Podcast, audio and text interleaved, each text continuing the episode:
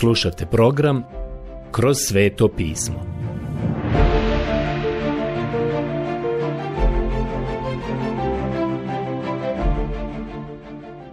Knjiga Mudre izreke.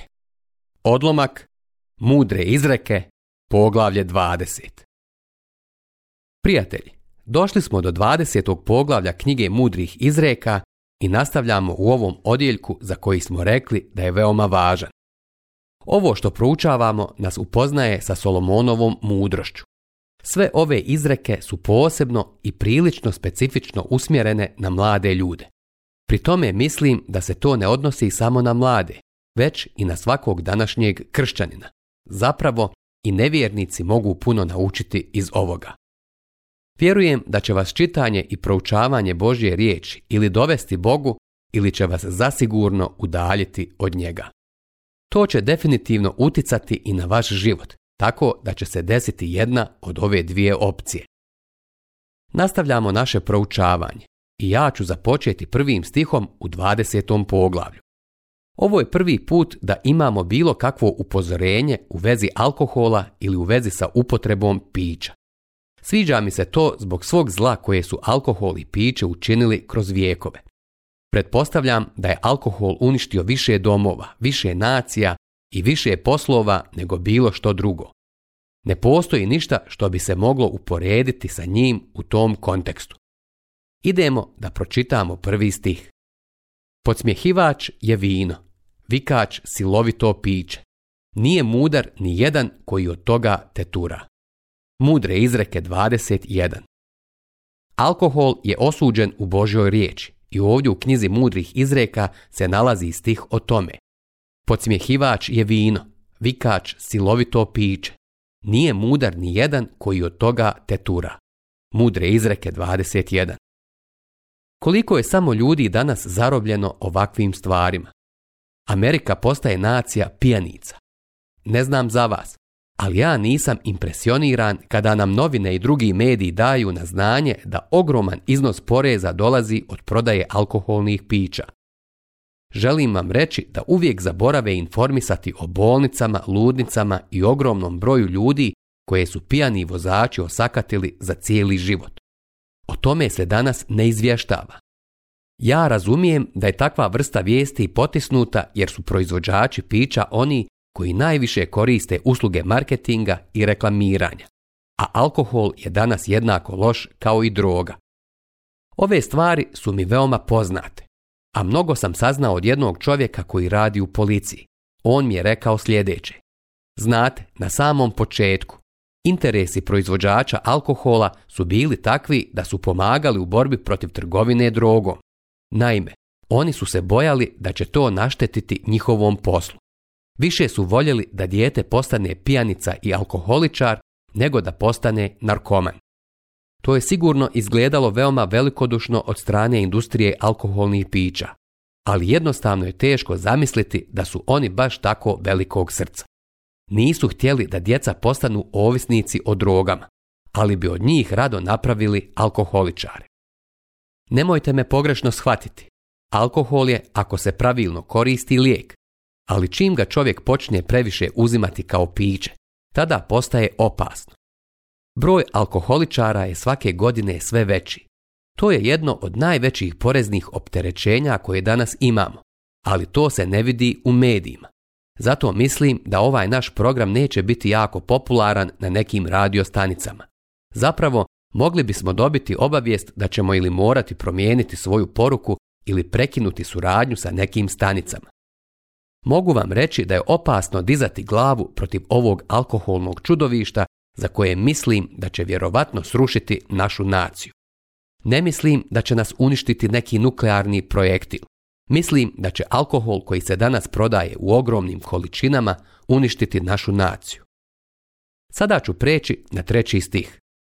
Služi čovjeku na čast kad se drži daleko od svađe, a svaki je luđak svadljiv. Mudre izreke 23. Prijatelj, ovo je jako dobro. Čovjek koji ne želi voditi bilo kakvu prepirku, niti izazvati svađu i nastaviti je. Iskreno, ja mislim da je to dobar znak za današnjeg kršćanina. Neko je rekao da trebate uzvratiti istom mjerom samo onima koji su vam pomogli. Njima možete uzvratiti, ali ne i svojim neprijateljima. Jer ako njima uzvratite istom mjerom, to se pretvara u svađu. Dakle, pametan čovjek neće pokušati uzvratiti svojim neprijateljima. Ovdje je stvar u tome koliko smo predani Bogu. Kao što smo već ranije pominjali, Bog je rekao, moja je osveta, ja ću je vratiti. Poslanica Rimljanima 12.19. Na temelju toga, Bog kaže da se ne osvećujete sami. On ovim govori da mi skrećemo sa puta vjere kada pokušavamo stvari uzeti u svoje ruke.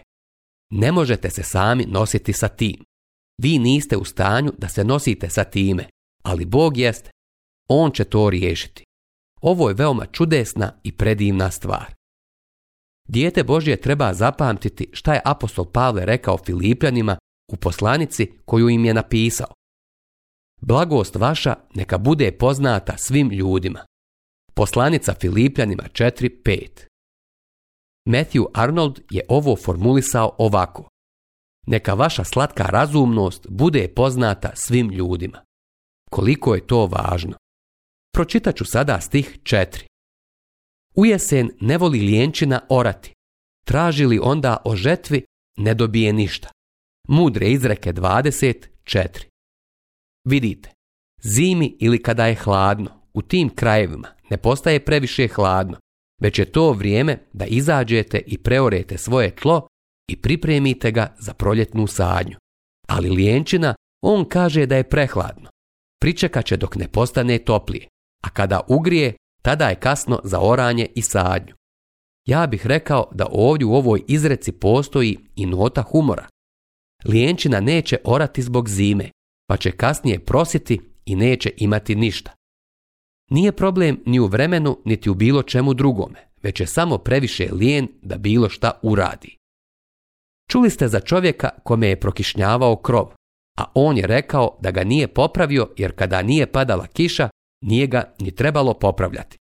Ali kada bi padala kiša i kada bi počela curiti voda, onda bi on pokisnuo ukoliko bi došao gore i pokušao to popraviti. To je bio razlog zašto to nije učinio. Previše lijen. Dolazimo sada do niza mudrih izreka koje su povezane, a meni se isprva činilo da su potpuno nepovezane. Ali ovdje očigledno postoji odnos koji se temelji na određenim riječima koje govore o dobroti i onome šta je ispravno.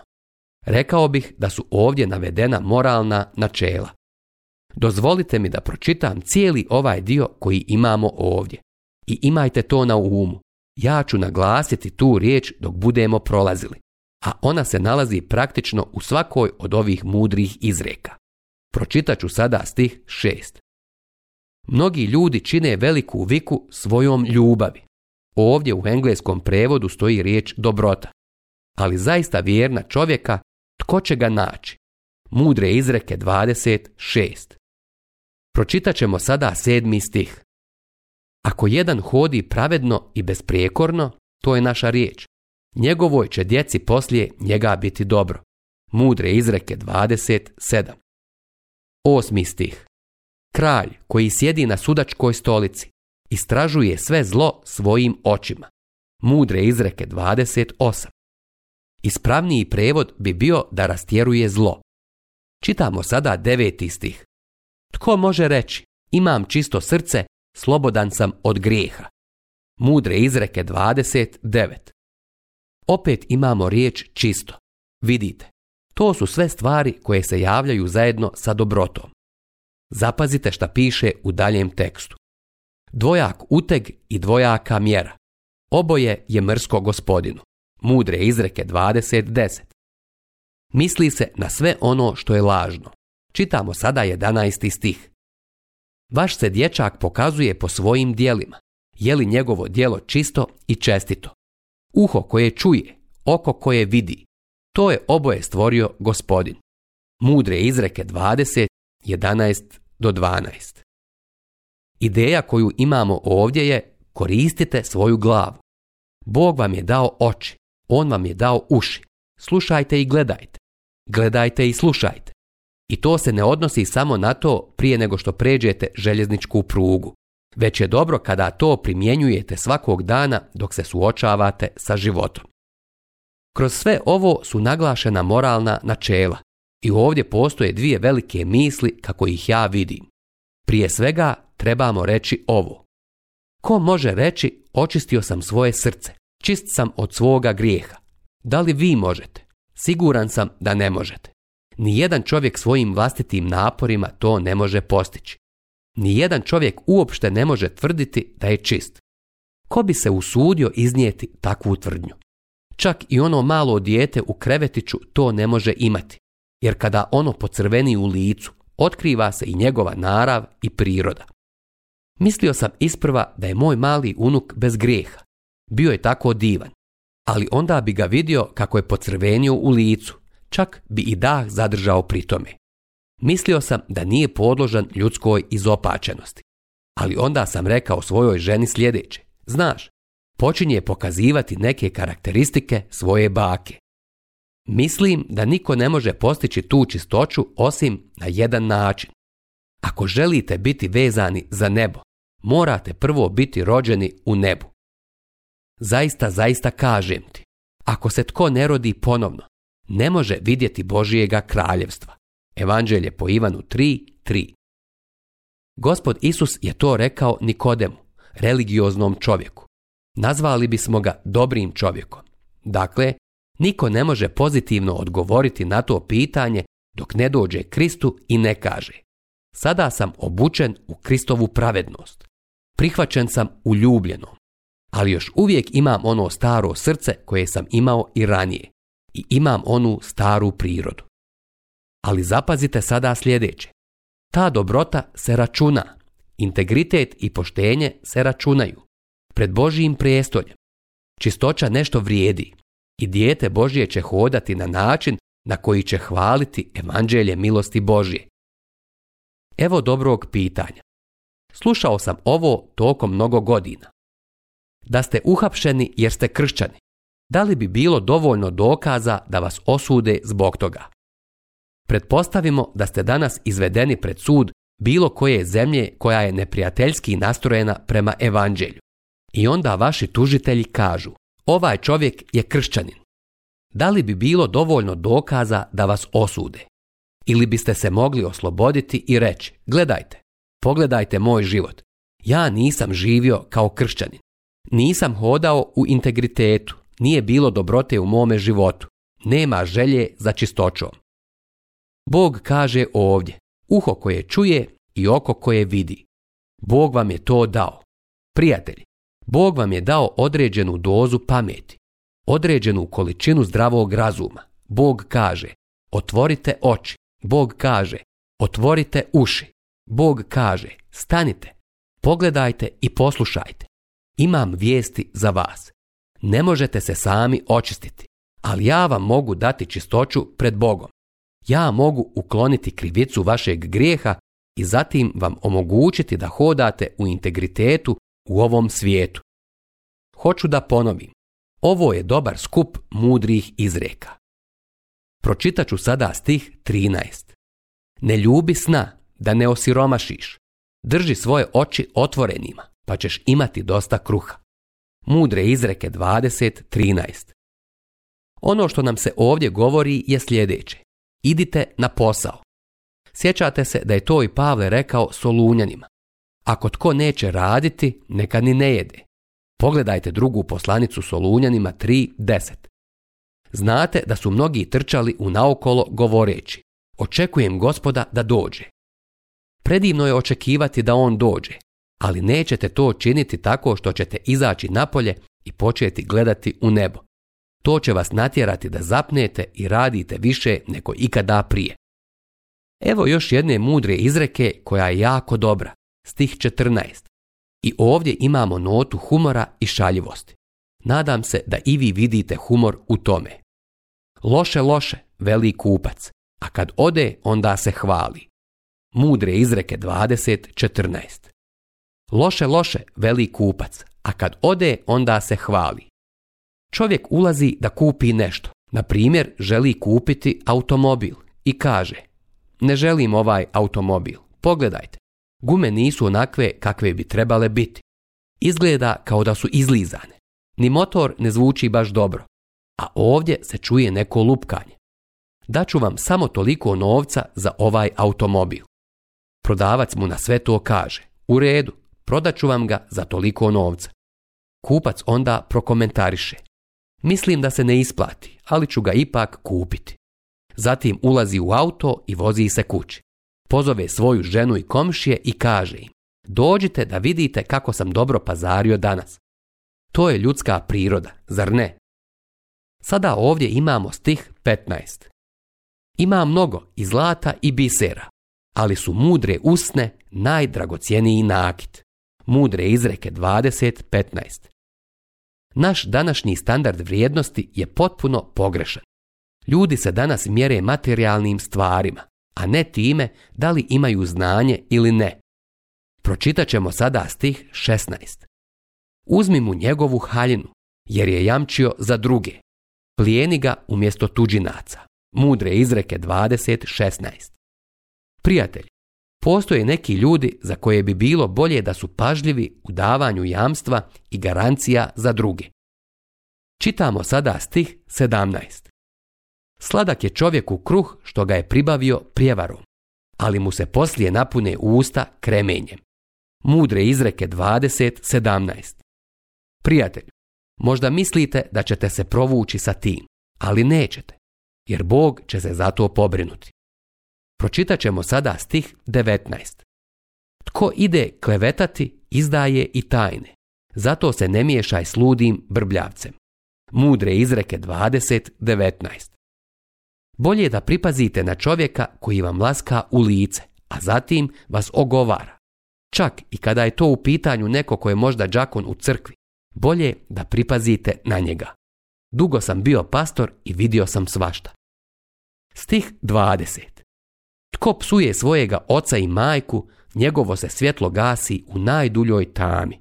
Mudre izreke 20.20 Prijatelji moji, ako imate roditelje kojima se možete pohvaliti, onda se njima pohvalite. Ali ako ne možete reći nešto dobro o njima, a mnogi ljudi ne mogu, onda nemojte ništa reći. To je ono o čemu govori ova mudra izreka. Tu je Ham pogriješio njegov otac Noa se napio, a onda je Ham to razotkrio. Trebao je držati jezik za zubima.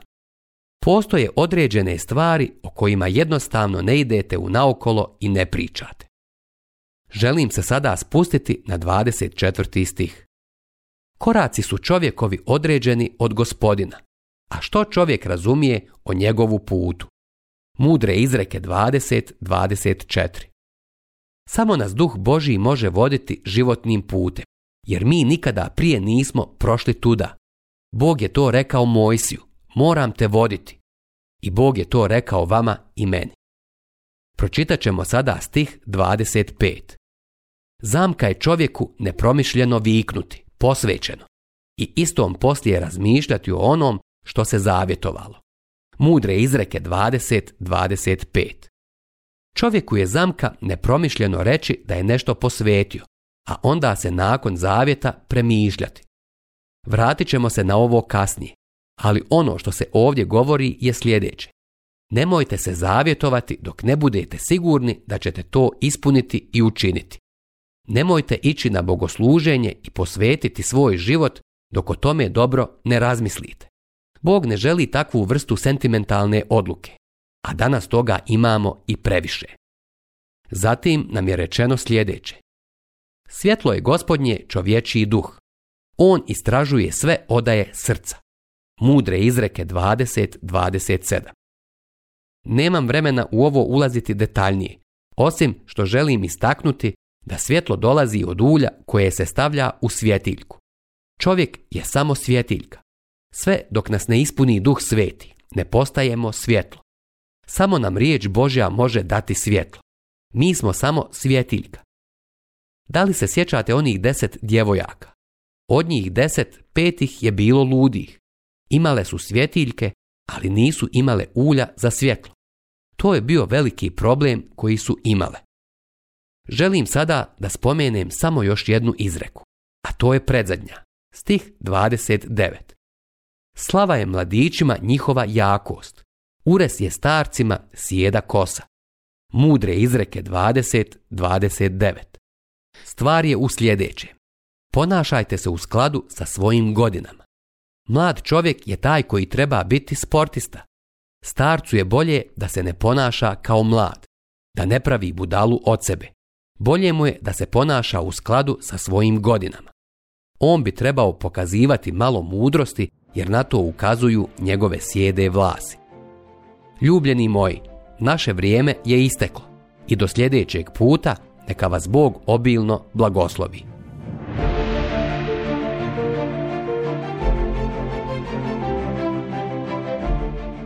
Slušali ste emisiju Kroz sveto pismo.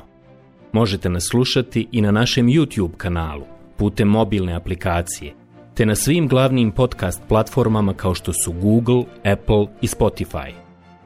Ako vam se naši programi dopadaju, preporučite ih i podijelite s drugima. Budite slobodni da ostavite svoj komentar ili nam pišite na našu e-mail adresu kroz sveto at gmail.com Zapratite našu stranicu kroz sveto pismo BiH na Facebooku i na Instagramu. Emisije iz ove serije možete pronaći na našoj stranici ttb.com duplove rtačkaor je